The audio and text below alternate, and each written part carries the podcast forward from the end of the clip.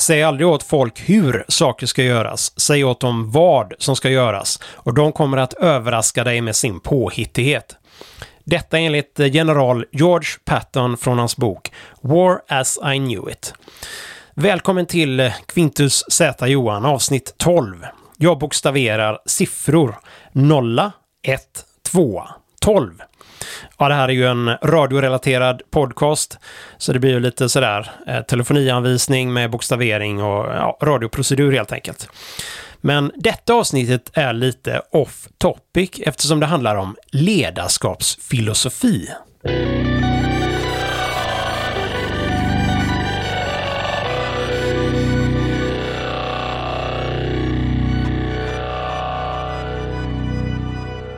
Just nu så har familjen semester och vi har en del att stå i med både renovering, en massa småsysslor och eh, att komma ut på en del vandring i naturen. Det har varit rätt körigt på sistone, varför det har blivit svårt att få tid och ork att få ihop något material till podden eller YouTube-kanalen Utesändaren. Jag hade planerat fler avsnitt av podden under semestern, vilket helt enkelt blivit omöjligt att få gjort. Istället har jag ansträngt mig att få klart ett avsnitt om den ledarskapsfilosofi jag prenumererar på, vilken jag har pratat en hel del om tidigare i både Utesändaren och på Quintus Z Johan. Inom arbetslivet jobbar jag under ett så kallat agilt arbetssätt med ett ramverk som kallas för Scrum. När jag nämnde för min fru att jag tyckte vi skulle förverkliga semesterplanerna med hjälp av att planera och ordna alla uppgifter enligt ramverket Scrum så nappade hon direkt. Därmed föddes Scrumcation, eller Scrumester, det vill säga att genomföra semesterplanerna enligt Scrum. I detta avsnittet kommer jag redogöra för vad Scrum har gemensamt med ledarskapsfilosofin jag nämnt och därför tänkte jag det var ett lämpligt upplägg för podden. Så häng kvar, jag kommer även gå igenom vad Scrum är för något alldeles strax. Som signalist så är man den som möjliggör att ledarskap fungerar över distans och som även förändrar tempot i den operativa verksamheten oavsett om ledningen är centraliserad eller decentraliserad. Det är ganska logiskt egentligen. Ökar man kommunikationsmöjligheterna ökar också möjligheten att leda på distans, men inte nödvändigtvis till det bättre. Sambandsutrustning är en nödvändighet för att ett centraliserat styre ska fungera överhuvudtaget idag. Och då är det lite roligt att jag förespråkar raka motsatsen. Att använda radio för ett decentraliserat, delegerat ledarskap. Försvarsmässigt vill man minska sin elektromagnetiska signatur. Och ibland måste man tillämpa radiotystnad. Eller tillämpa CNET-konceptet i kortvåg. Men eh, då kan du inte kommunicera med allt och alla hela tiden. Det finns alltid en möjlighet att ta emot så kallade C-meddelanden. Cesar-meddelanden, det vill säga bara ta emot sändningar, inte sända själv. Lite som att lyssna på nummerstationer kanske man kan säga eftersom sändningen vanligtvis är krypterad. När du lyssnar så har du ingen elektromagnetisk signatur. Men det är inte tvåvägskommunikation. Exempel på den typen av C-meddelanden skulle kunna vara lägesrapporter för att uppnå gemensam förståelse bland flera förband i terrängen. Ett centraliserat styre kräver däremot tvåvägskommunikation för att ta emot order, be om tillåtelse att agera samt att rapportera. Det skulle kunna gå att tillämpa tvåvägskommunikation med hjälp av taktiskt upprättat kortvågssamband för en elektromagnetisk signatur som är nära radiotystnad när det är frågan om risken att bli pejlad. Problemet är att man måste göra halt i terrängen, upprätta kortvågssändtagaren med företrädesvis sådär runt 40 meter lång antenntråd, kommunicera och sedan bryta för att marschera igen. Det sättet att kommunicera lämpar sig inte för centraliserad ledning, men lämpar sig alldeles utmärkt för decentraliserad, delegerad ledning med stort mandat till självorganisation och egna initiativ. En sådan kräver ingen detaljerad order, endast förmedlade avsikter eller direktiv och rapportering endast för att förmedla underrättelse och lägesbild, inte uppföljning av en order. Detta avsnittet ska handla om ett liknande tankesätt som förekommer inom näringslivet, speciellt inom min bransch, informationsteknologi. Jag tänker försöka redogöra för min åsikt att det som kallas för agilitet, eller agile på engelska, ihop med ramverket Scrum, är en återuppfinning av något som är över 200 år gammalt.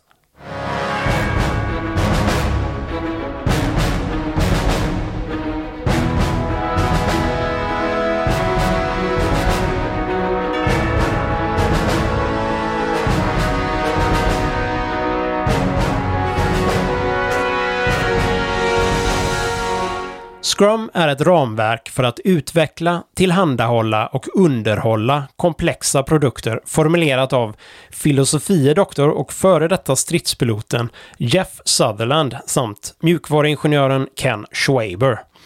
Ungefär så står det i alla fall i Wikipedia-artikeln. Det är dock mycket i den svenska Wikipedia-artikeln om Scrum jag inte alls håller med om, eftersom det lätt kan tolkas att Scrum endast bör användas för projekt under konstant förändring, inte för projekt där processen förefaller mer given och förutsägbar. Som bekant så överlever inga planer första kontakten med fienden, för att citera en gammal preussare vid namn Helmut von Moltke. Jag tycker att Scrum kan användas till allt, precis som uppdragstaktik bör användas till allt. Inte bara i sammanhang där man saknar till exempel samband med högre chef eller något sådant. Men uppdragstaktik och Scrum hör väl inte ihop? Jo, det är precis vad det gör. Min åsikt är att Scrum är en process inom uppdragstaktiken. Scrum är anpassat för att bäst tillämpas i en helt uppdragstaktisk organisationskultur, medan den gamla vattenfallsmodellen att utveckla projekt på tillhör motsatskultur, det vill säga en centraliserad, detaljstyrd, dockspelarstyrd kultur, där varje uppgift ska lösas oavsett om man når målbilden på ett annat sätt. I vattenfallsmodellen ska du inte behöva tänka själv och definitivt inte äga uppgiften. Du ska göra din detalj och lämna över. Du äger inte uppgiften. Du hyr uppgiften ett tag och sedan lämnas tillbaka den varpå en mellanchef managerar över uppgiften till nästa låntagare. Precis som en hyrd lägenhet så har du inte rätt att bygga om den efter eget behag till den grad du får med ett hus du äger. Eftersom du bara hyr uppgiften förväntas du lämna täta statusrapporter, eller så kallad positiv rapportering, vilket ungefär är förslag till chefen om vad som händer med ägarens uppgift under hela tiden du har den. Uppgiften är inte din och hela organisationen gör det tydligt för dig att du aldrig kommer få äga uppgiften. Vi litar inte på dig. Därför måste du ständigt rapportera var uppgiften befinner sig och endast ge förslag på andra uppgifter. Ni hör ju hur mycket jag älskar vattenfallsmodellen, eller som jag brukar kalla den, normaltaktik, vilket är vad uppdragstaktikens motsats kallades långt tillbaka. Tänk er istället en värld där du får en uppgift och den är din. Du äger den. Inte bara det, uppgiften kommer med chefens avsikt med uppgiften. En förklaring av vad vi vill uppnå i form av ett tillstånd snarare än ett specifikt objekt. Du har svaret på frågan varför uppgiften överhuvudtaget existerar. Varför vill vi lösa uppgiften? Det är en väsentlig detalj angående vad din chef senare förväntar sig att du gör med uppgiften. I denna värld kommer ingen att varken tvinga på dig idéer om hur du ska lösa den eller be dig kontinuerligt rapportera vad som händer med uppgiften eller var den befinner sig. Det är ju din. Du är din chef. Du svarar inför dig själv och du ska veta när och till vem du behöver delge information om så är fallet. Du förväntas ha kompetens att hantera uppgiften. Du har blivit bemyndigad att fatta egna beslut rörande den uppgift du själv äger. Du vet dessutom svaret på frågan varför uppgiften existerar. Det betyder att om uppgiften inte tar oss närmare svaret på frågan varför, det vill säga avsikten med uppgiften, då har du fullständigt mandat att kasta uppgiften och hitta på en ny som bättre tar oss dit vi vill. Inte nog med det, du förväntas att på eget ansvar ta initiativ för att uppnå avsikten. Detta även om det helt frångår den ursprungliga uppgiften. Du förväntas dessutom göra detta utan att be om tillstånd från chefen eller ens prata med din chef om ditt agerande. Du har mandatet. Det är du som äger uppgiften och du vet vad dess avsikt är. Där du står och löser din uppgift, där vet du bäst vilka beslut som behöver fattas för att bättre nå avsikten. Din chef är upptagen med att se till att alla ni som har uppgifter att lösa har en delad förståelse av läget så att ni bättre kan på eget ansvar ta initiativet och agera mot avsikten istället för blind order efterlevnad eller uppfyllelse av fragmenterade delmål. Det här kallas för uppdragstaktik, eller Auftragstaktik om man använder den germanism som syftar på dess ursprung Preussen över 200 år sedan. Ni som känner igen er från hur agila företag fungerar eller vill fungera kanske trodde att denna filosofi var någon nymodernitet som går under adjektiv som agile eller platt och sägs ha uppfunnits någon gång på 90-talet, alltså 1990-talet. Att preussarna för över 200 år sedan tillämpade detta för att besegra Napoleon var kanske inte vad ni hade tänkt er. Nu kanske ni avfärdar hela konceptet som anarkistiskt med uppblåst nymodern individualism eller extremliberalism. Alla gör som de vill, formation skithög. Tvärtom, det går sällan bra att säga åt folk att vara självorganiserande utan att ha en gemensam organisationskultur, gemensamma normer och traditioner att inte bara luta sig mot utan också vara samt förväntas vara lojal mot. Auftragstaktik går ut på att lära av tidigare erfarenhet, anpassa sig och förbättra. Det går inte ut på att riva ner allt tidigare och all tidigare erfarenhet och bygga nytt från grunden. Scrum är samma sak. Du utgår från vad du vet eller vad du har. Du jobbar mot ett delmål mycket nära i tiden och reflekterar över resultatet.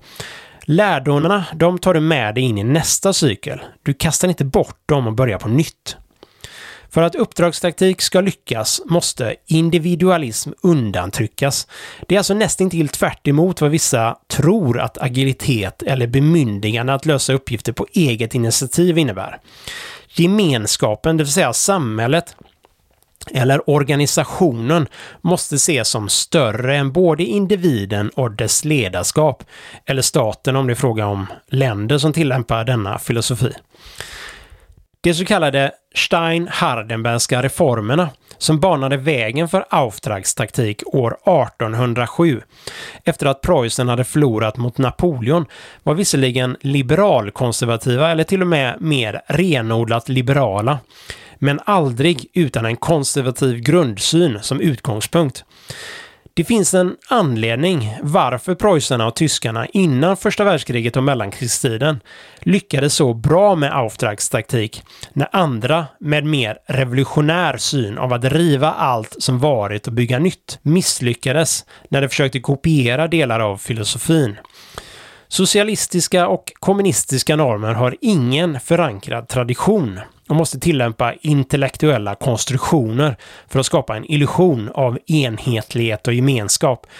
Det är lätt att tillämpa från ett skrivbord kanske, men inte ute i fält. Det människor i striden sätta faller tillbaka på det som var innan man förstörde de ursprungliga idealen, normerna och traditionerna. Om det då innebär att man riskerar att bli straffad för att ta ett sådant initiativ så förstår man lätt att man hellre sitter passiv och väntar på order för att sedan göra exakt det orden säger och inget mer. Då får du minst problem. Liberalkonservatism och socialkonservatism var de två viktigaste faktorerna enligt min mening till en lyckad tillämpning av Auftragstaktik. Konservatismen motsätter sig allt som innebär konflikt eller kamp mot det som varit. Det står i ordets betydelse. Kollektiv klasskamp, det vill säga socialism, individuell konkurrens, det vill säga individualism och liberalism, eller konflikt mellan länder, det vill säga nationalism, är något konservatismen motsätter sig. Det vi har, det gamla, våra förfäders normer och traditioner, tidigare erfarenhet och kompetens, det är inte värt att förstöra utan att förbättra, förvalta och i många fall beskydda. Eftersom icke-ekonomiska värden är sårbara i en värld där allt har ett ekonomiskt pris. Konservatismen ser kultur som något mycket viktigt och därmed värderar man ett förvaltande av till exempel en organisationskultur som prioriterat. En företagskultur är till exempel inte direkt mätbar. Det har inget uppenbart värde för avkastningen, men är ändå något av det viktigaste för just avkastningen. I Preussen fanns förutsättningarna för att prioritera den kultur som behövs för att lyckas med Auftragstaktik. Och man gjorde det inte genom att riva ner allt det gamla och hitta på något nytt, utan man byggde vidare på ursprungliga ideal och normer för att skapa en gemensam förståelse, Einheit, gemensam känsla av lojalitet, plikt och disciplin som gör att Auftragstaktik inte blir formation skithög i individualismens eller socialismens skärsår, utan något mycket effektivt och ytterst disciplinerat på grund av att man tar, på eget ansvar, initiativ för samhället och dess djupt rotade värderingar. Det finns inget lyckat exempel av uppdragstaktik bland kommunistiska eller socialistiska styren.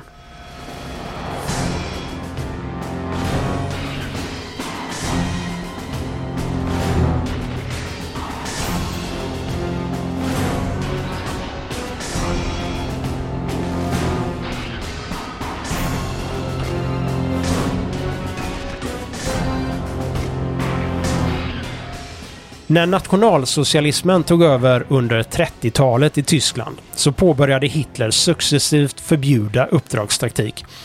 Det gick för sig i början när det just gick bra för krigsmakten. Men så fort det började bli motgångar gick Hitler in och detaljstyrde.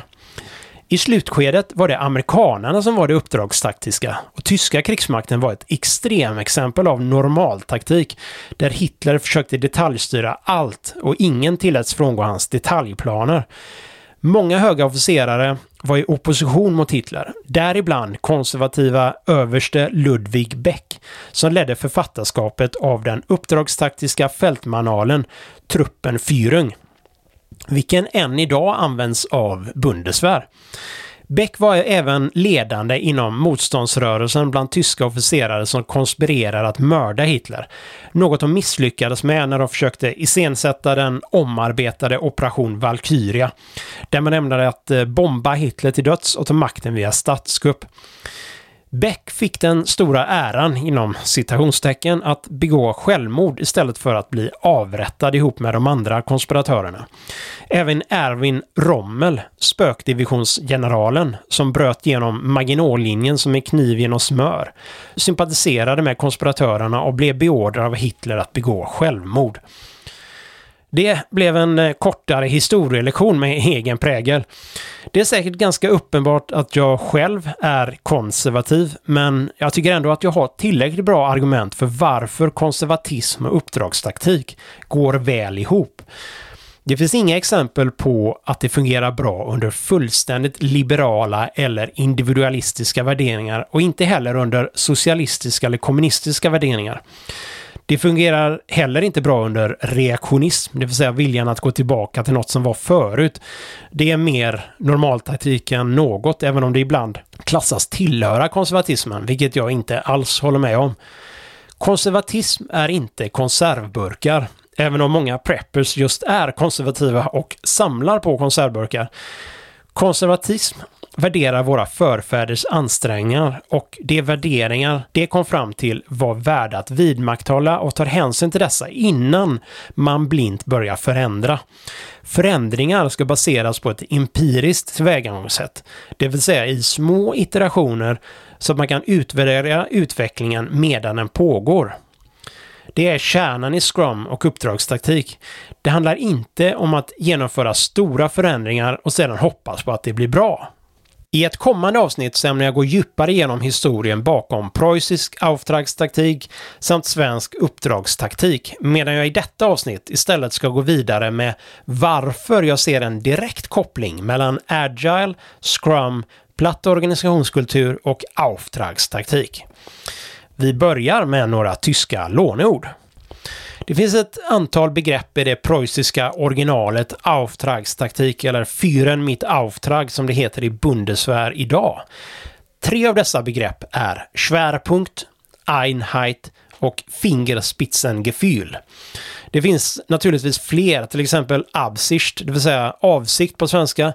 Men jag återkommer till varför jag bara nämner dessa. Jag har en tanke bakom detta och hoppas ni har tålamod att hänga med. Fältmarskalk Paul von Hindenburg, född 1847, död 1934, sägs så sagt att en operation utan svärpunkt är som en man utan karaktär. Det kan säkert tolkas på många sätt, men karaktärslöst, det vill säga menlöst, viljesvagt, fegt och principlöst menade nog Hindenburg inte lämpade sig bra för att dra ut i strid med. Svärpunkt betyder ordagrant tyngdpunkt och syftar ungefär på den viktigaste ansatsen för att uppnå ett mål. Ordet används även som ordet fokus på svenska. Men det blir lite missvisande i detta fallet tycker jag, även om innebörden kan vara densamma. Svärpunkt är det man ska anstränga sig allra mest för eller på och prioritera högst, som ger bäst effekt för att vinna eller nå målet. Man måste naturligtvis analysera sig fram till vad som är svärpunkt i varje operation, men väl värt att leta fram eftersom riktar man sin styrka dit når man bäst effekt istället för att spreta runt bland många små uppgifter eller fokusera på helt fel sak. Jag tänkte ta ett dum enkelt exempel med en hävstång.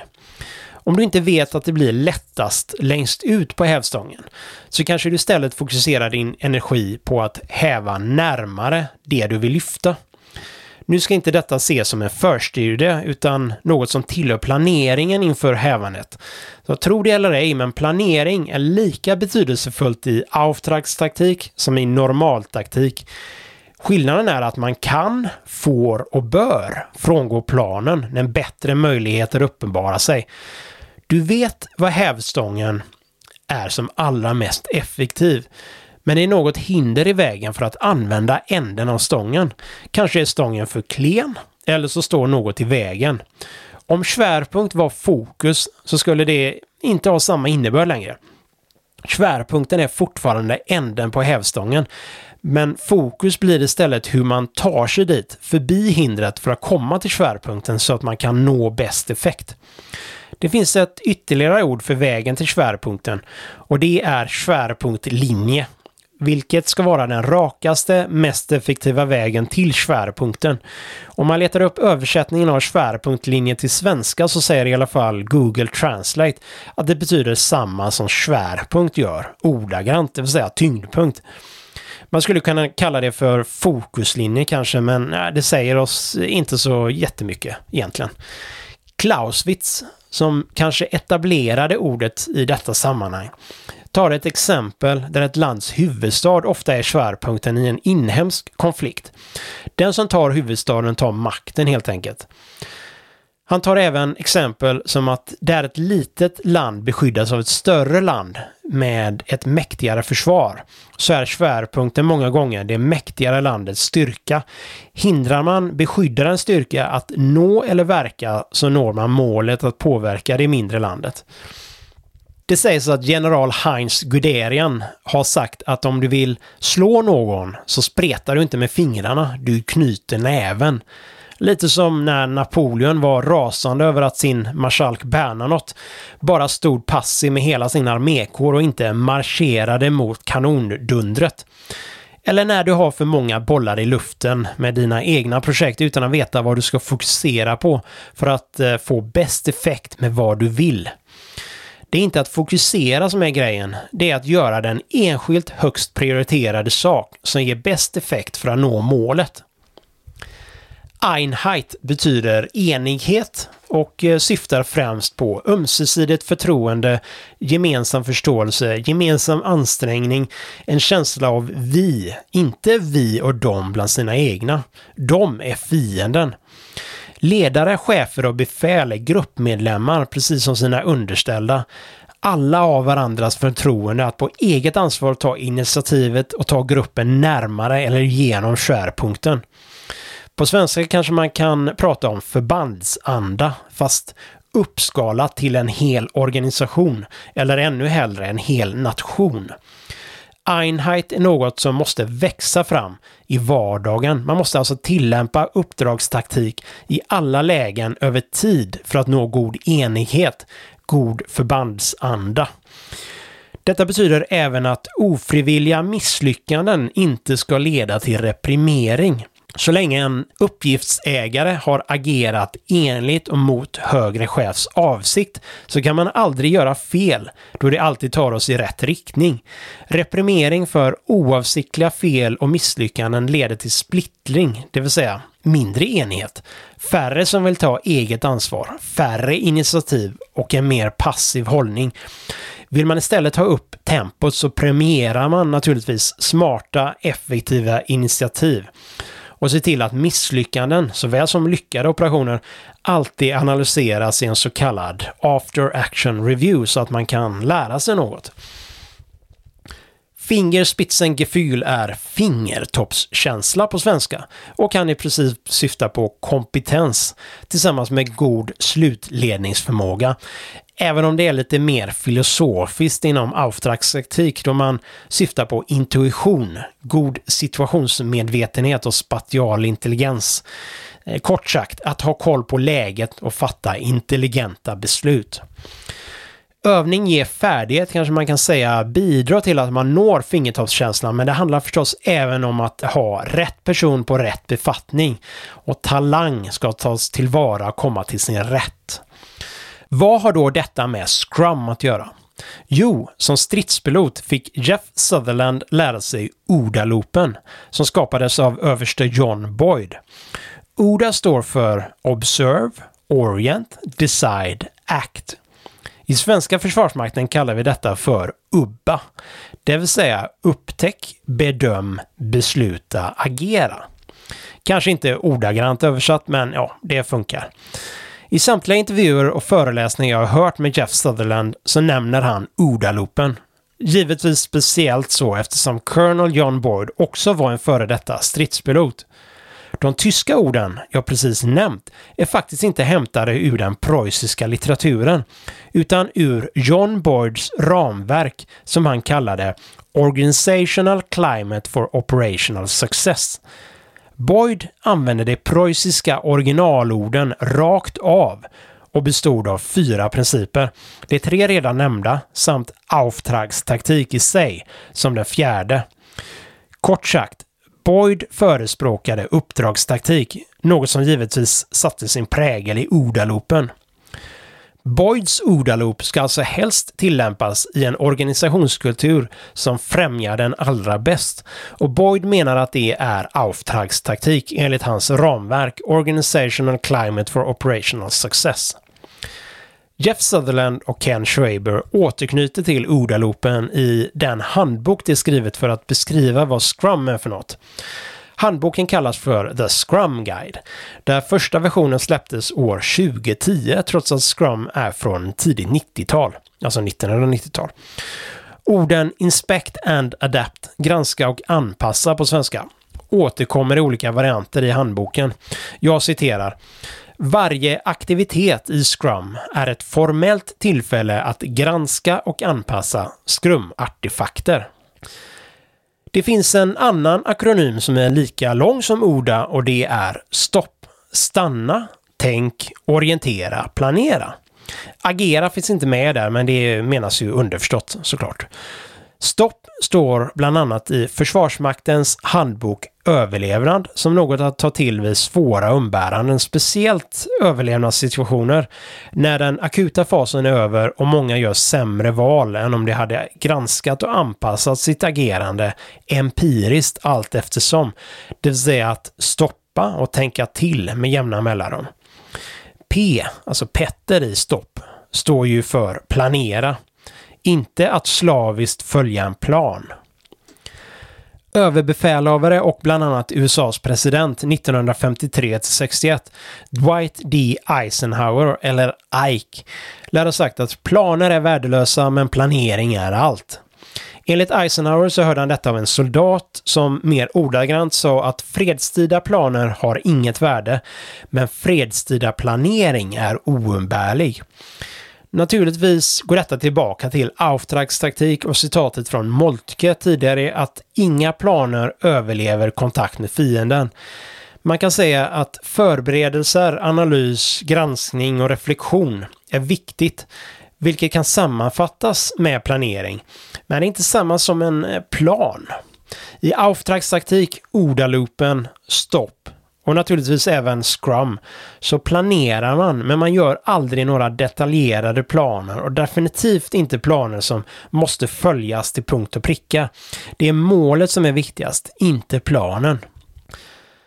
Scrum är en mer formell process hur filosofin uppdragstaktik kan göras som rutin rent praktiskt. Fördelen med en process är att den är samma hela tiden och man påminns dagligen om sin organisations kultur och eh, kan reflektera över om den påminner om Boyds ramverk Organizational Climate for Operational Success, det vill säga auftragstaktik, eller något annat som troligen inte är fullt kompatibelt med Scrum det vill säga normaltaktik. Innan vi går in på vad Scrum-artefakter, som jag nämnde tidigare, är för något, så börjar jag med vad ordet Scrum kommer ifrån. Scrum kommer från sporten rugby, där det tydligen är en term för när spelarna buntar ihop sig innan nedsläppet. Bollen kastas in i hopen av spelare som snart är på, driver bollen upp för spelplanen där varje passning kan ses som nästa steg i en utvecklings eller underhållsfas. Där olika talanger inom gruppen kommer till rätta tills uppgiften går i mål. Och ja, där stannar väl jämförelsen med sporten rugby eftersom ett spel tydligen inte återstartar med en ny scrummage efter mål. Men det är alltså tanken med denna ledarskapsprocess eller vad man vill kalla det. Varje ny uppgift startar med att gruppen går ihop och skapar gemensam förståelse för uppgiften och sedan gemensamt driver igenom den i dess olika faser. Stort fokus läggs på delegerat beslutsfattande, det vill säga att gruppen får stor frihet och bemyndigas att bestämma hur produkten ska realiseras och hur gruppen ska nå målen. Mellancheferna släpper helt bollen, kanske man kan säga, helt apropå rugbybollar här då. Gruppen i sig ska vara korsbefruktande eller korsfunktionell. Så att gruppen som enhet har all kompetens som krävs för att driva igenom uppgiften. Motsatsen till detta är förstås någon form av detalj eller toppstyrning som ställer prestationskrav på individuell nivå som splittrar och omöjliggör denna gruppkänsla och därmed omöjliggör helhjärtat engagemang från utvecklaren. ungefär så beskrev de japanska ledarskapsforskarna Hirotaka Takeuchi och Ikujiro Nonaka detta sätt att driva igenom projekt på i artikeln The New New Product Development Game från år 1986. Egentligen är det alltså varken Jeff Sutherland eller Ken Schwaber som är de egentliga upphovsmännen bakom processen, som många ofta tror när det introduceras till Scrum. Precis som så mycket annat så har det en historia. Det Hirotaka och Ikojiro beskriver i sin artikel är väldigt likt uppdragstaktik. Det går inte att missa, så även där finns kopplingen. Ett Scrum-team består av två till ungefär max åtta personer. Teamet ska vara så korsfunktionellt som möjligt. Precis som till exempel en skyttegrupp i ett modernt förband. Varje soldat bör grundläggande kunna hantera minst en annan soldats uppgift.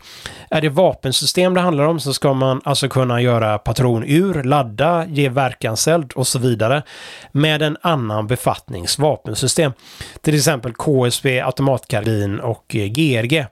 Så samma sak gäller sjukvårdare, signalist, kan inte signalisten verka så måste det finnas minst en till som grundläggande kan hantera sändtagaren och sambandet.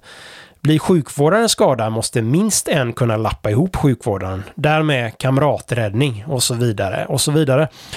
Det är givetvis inte en slump att preussarna och senare tyskarna var tidiga med att korsutbilda varandra. Om en grupp ska kunna på eget ansvar ta initiativet så blir det naturligt att gruppen har den kompetens som krävs för att verka självständigt. Återigen betyder detta att Auftragstaktik och naturligtvis även Scrum kräver mer disciplin än normaltaktik. Teamet måste förstås ha uppgifter att lösa. Dessa formuleras som en så kallad product owner eller produktägare, vanligtvis tillsammans med teamet. Produktägarens uppgift är att kommunicera produktmålet, det vill säga avsikten och att fylla och sortera en lista kallad product backlog med uppgifter att lösa. I princip kan man säga att eh, produktägaren är högre chefs röst eller slutkundens röst. ODA-loopen och stopp-akronymen är ju en cykel. Scrum tar fasta på detta genom att dela in ett utvecklings eller underhållsprojekt i så kallade sprintar. Ordet sprint syftar förstås på att det är kort och med tempo. Inte stress, utan eh, som ett sprintlopp. Man springer fort i korta perioder, återhämtar sig, springer fort igen och så vidare. Varje sprint är max två veckor lång. Jag kan i och för sig vara längre, men ingen rekommenderar det. Många toppresterande IT-företag kör sprintar som är en vecka eller till och med kortare. Så syftet med en sprint är att leverera något av värde efter varje sprint. Det vill säga något som går att använda. Efter första sprinten kommer denna leverabel naturligtvis vara rudimentär.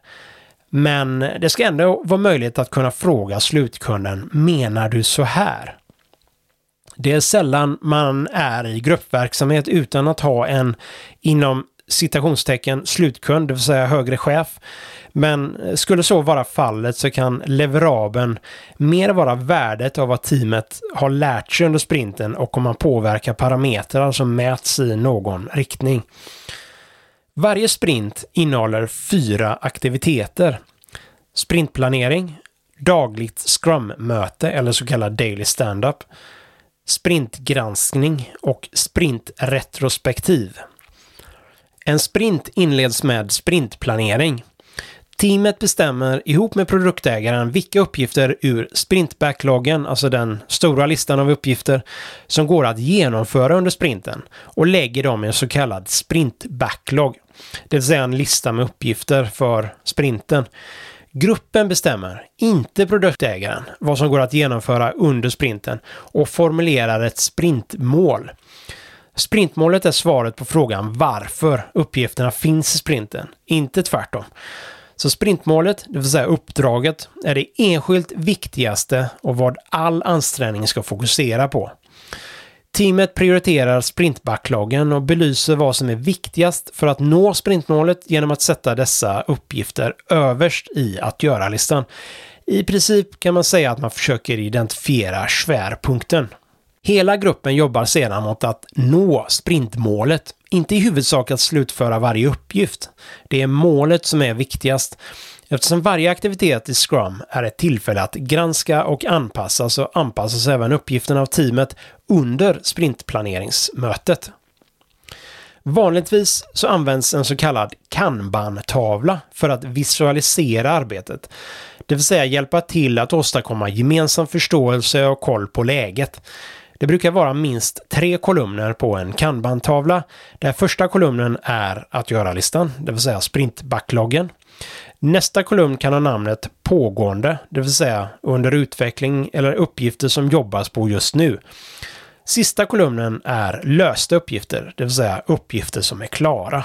Hela teamet måste ha tillgång till kanbantavlan så att varje medlem enkelt kan uppdatera sin egen lägesbild.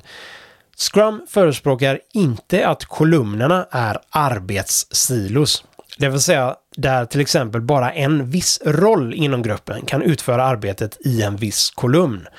Det ska inte vara några överlämningar inom teamet, utan varje medlem i teamet ska vara så pass korsfunktionell att denne kan driva igenom en uppgift genom alla kolumnerna. Som ni förstår så går alla uppgifterna från vänster till höger på en kanbantavla under dess utveckling, lösning eller utförande. Varje dag vid en fast tidpunkt så har man ett eh, max 15 minuters gruppmöte som vanligtvis eh, kallas för Daily Stand-Up eller bara Stand-Up eftersom alla står upp. Hela gruppen samlas bildligt talat i en bunt likt rugbytermen scrummage och planerar dagens arbete framför kanbantavlan. Syftet är att alla i gruppen ska få gemensam förståelse för uppgiften, läget, terrängen, det vill säga eventuella hinder och så vidare. Hinder ska skyndsamt upplösas efter mötet. Och om det hjälper med fler händer för att eh, lyfta eller runda hindret så går hela gruppen ihop för att åstadkomma detta så att gruppen snabbt kan komma vidare.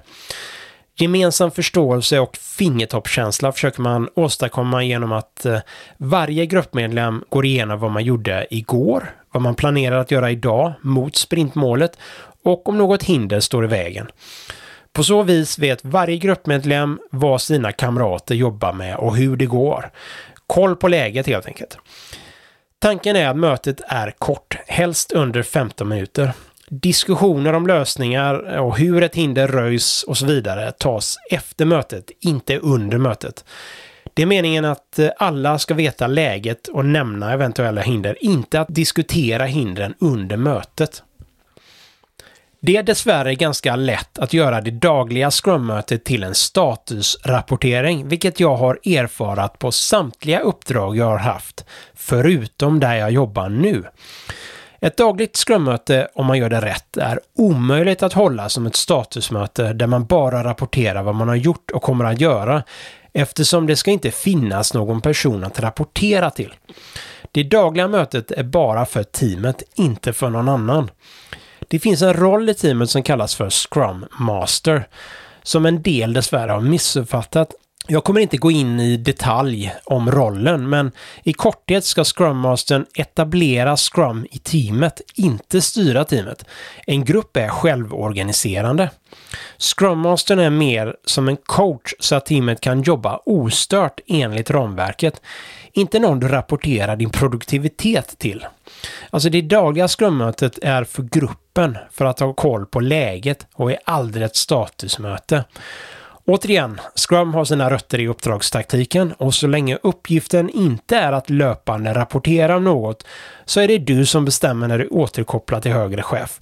Vanligtvis så vill inte en uppdragstaktisk chef att du rapporterar allt du gör. Det är emot filosofin utan är mest intresserad av ny händelseutveckling, det vill säga underrättelser eller hinder på vägen som måste eskaleras, samt om uppgiften är löst, det vill säga sprintmålet är uppnått, inte individuella underuppgifter.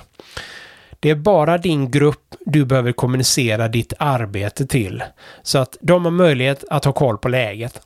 Som alltid så är det även det dagliga scrummötet ett tillfälle att granska och anpassa uppgiften men nu med fokus att nå sprintmålet.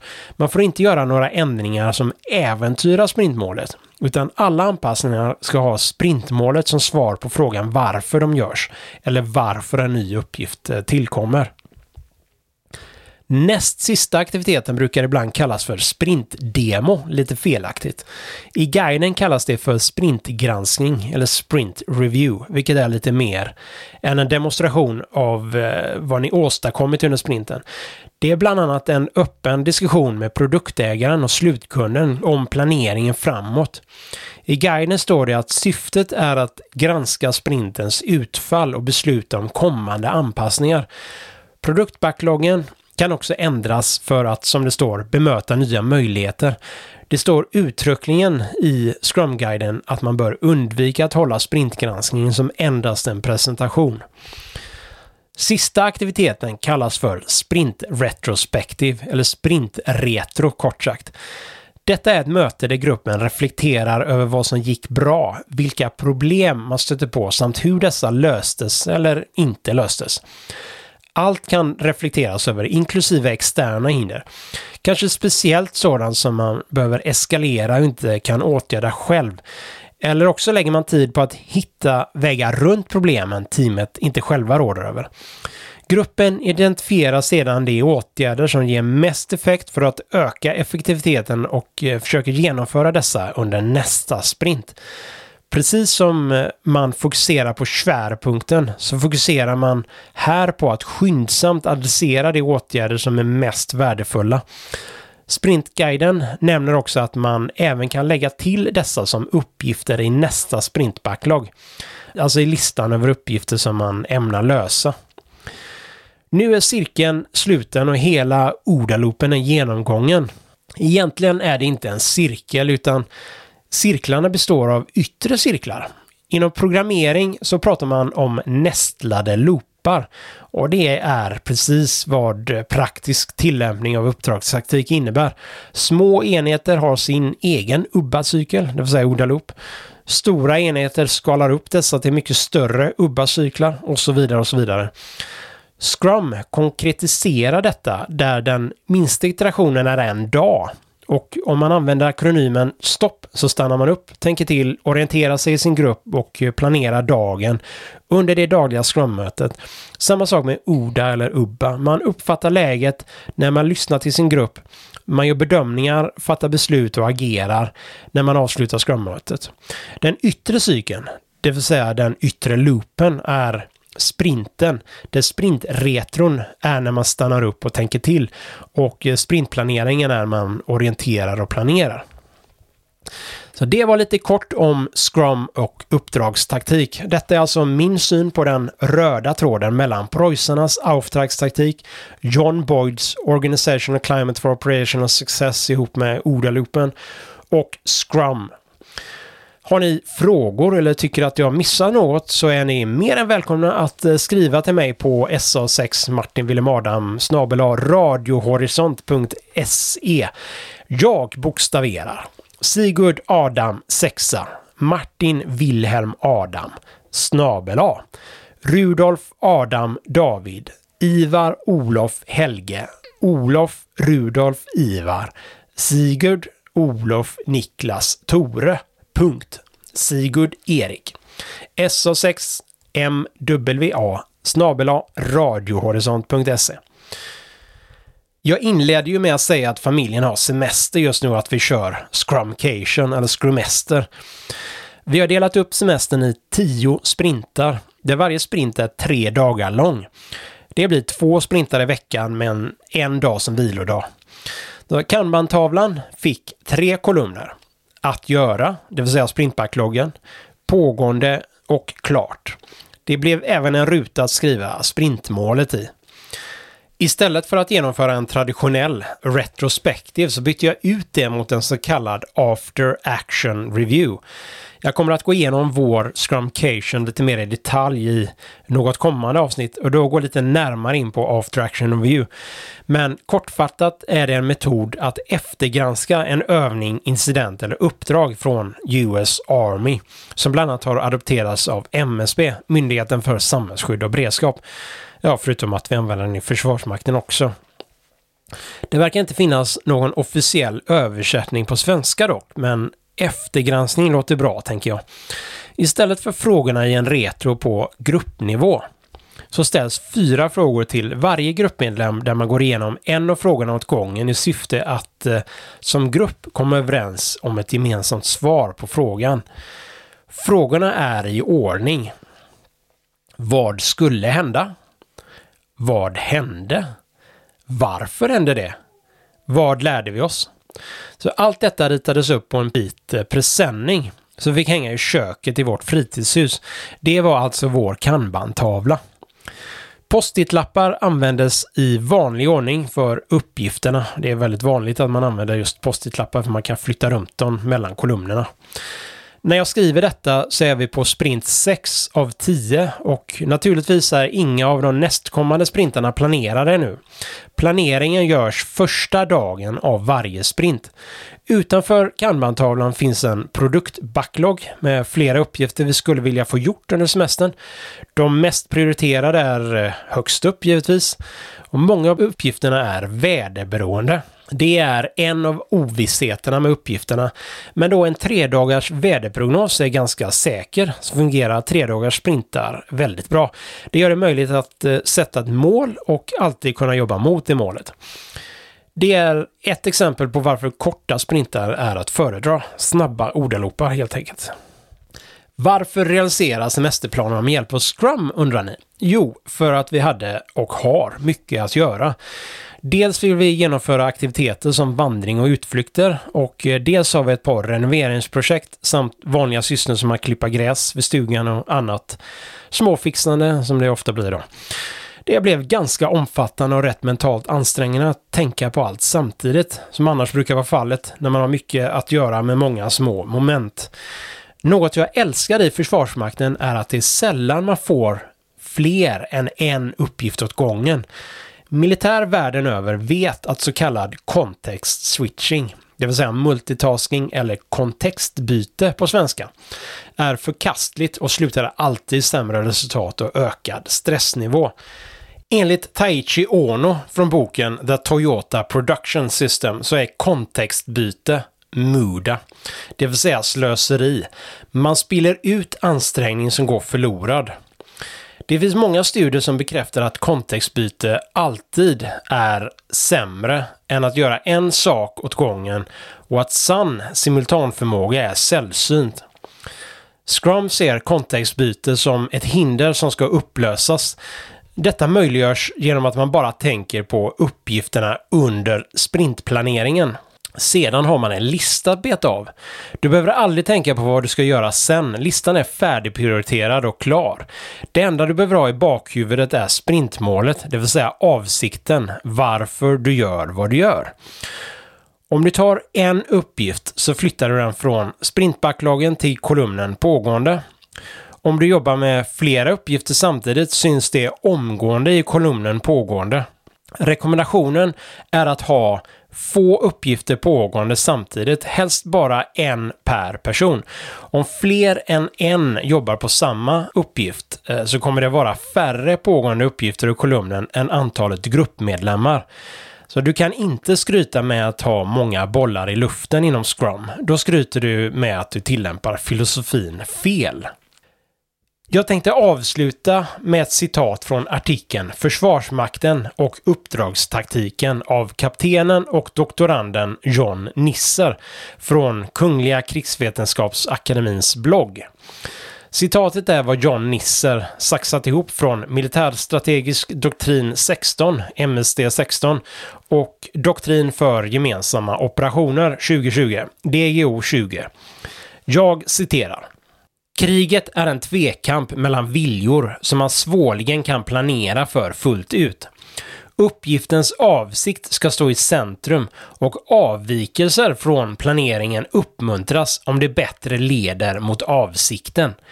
Avsikt fastställs uppifrån och ner, men genomförandet av operationer dikteras av framgångar nedifrån och upp. Chefer med personal agerar aktivt utifrån rådande förutsättningar. Underställda ska ges klara och tydliga uppdrag, medan metoder och förfaringssätt överlämnas till utföraren med långtgående mandat. Varje individs förmåga tillvaratas genom välutbildade chefer, soldater och sjömän med initiativkraft, beslutsamhet och vilja att ta ansvar, samt en utvecklad ansvarskultur och god uppfattning om de mål och avsikter som ska uppnås. Det sker kontinuerlig taktikutveckling. Uppdragstaktik drar nytta av svenska starka egenskaper som initiativkraft, självständighet och vanan att samverka i platta organisationer, samt vår personals goda etik och stort engagemang med bred ömsesidig tillit i vår organisation. Slutcitat. Det är förstås lätt att säga, men svårare att uppnå i verkligheten. Men det är precis vad Boyd menar med Organizational Climate for Operational Success. Tack för att ni har lyssnat på detta avsnittet av Quintus Z Johan. Vill ni fråga ut mig om detaljer och få mer utförliga svar så finns utesändarens Discord-server tillgänglig för patroner. Där kan ni chatta med mig och de andra om bland annat ämnen som dessa. Så framöver kommer jag också lägga ut ett och annat blogginlägg med referenser och lästips inom ämnet för mina patroner. Så det var allt för denna gång. Jag säger i vanlig ordning 73, slut, klarslut.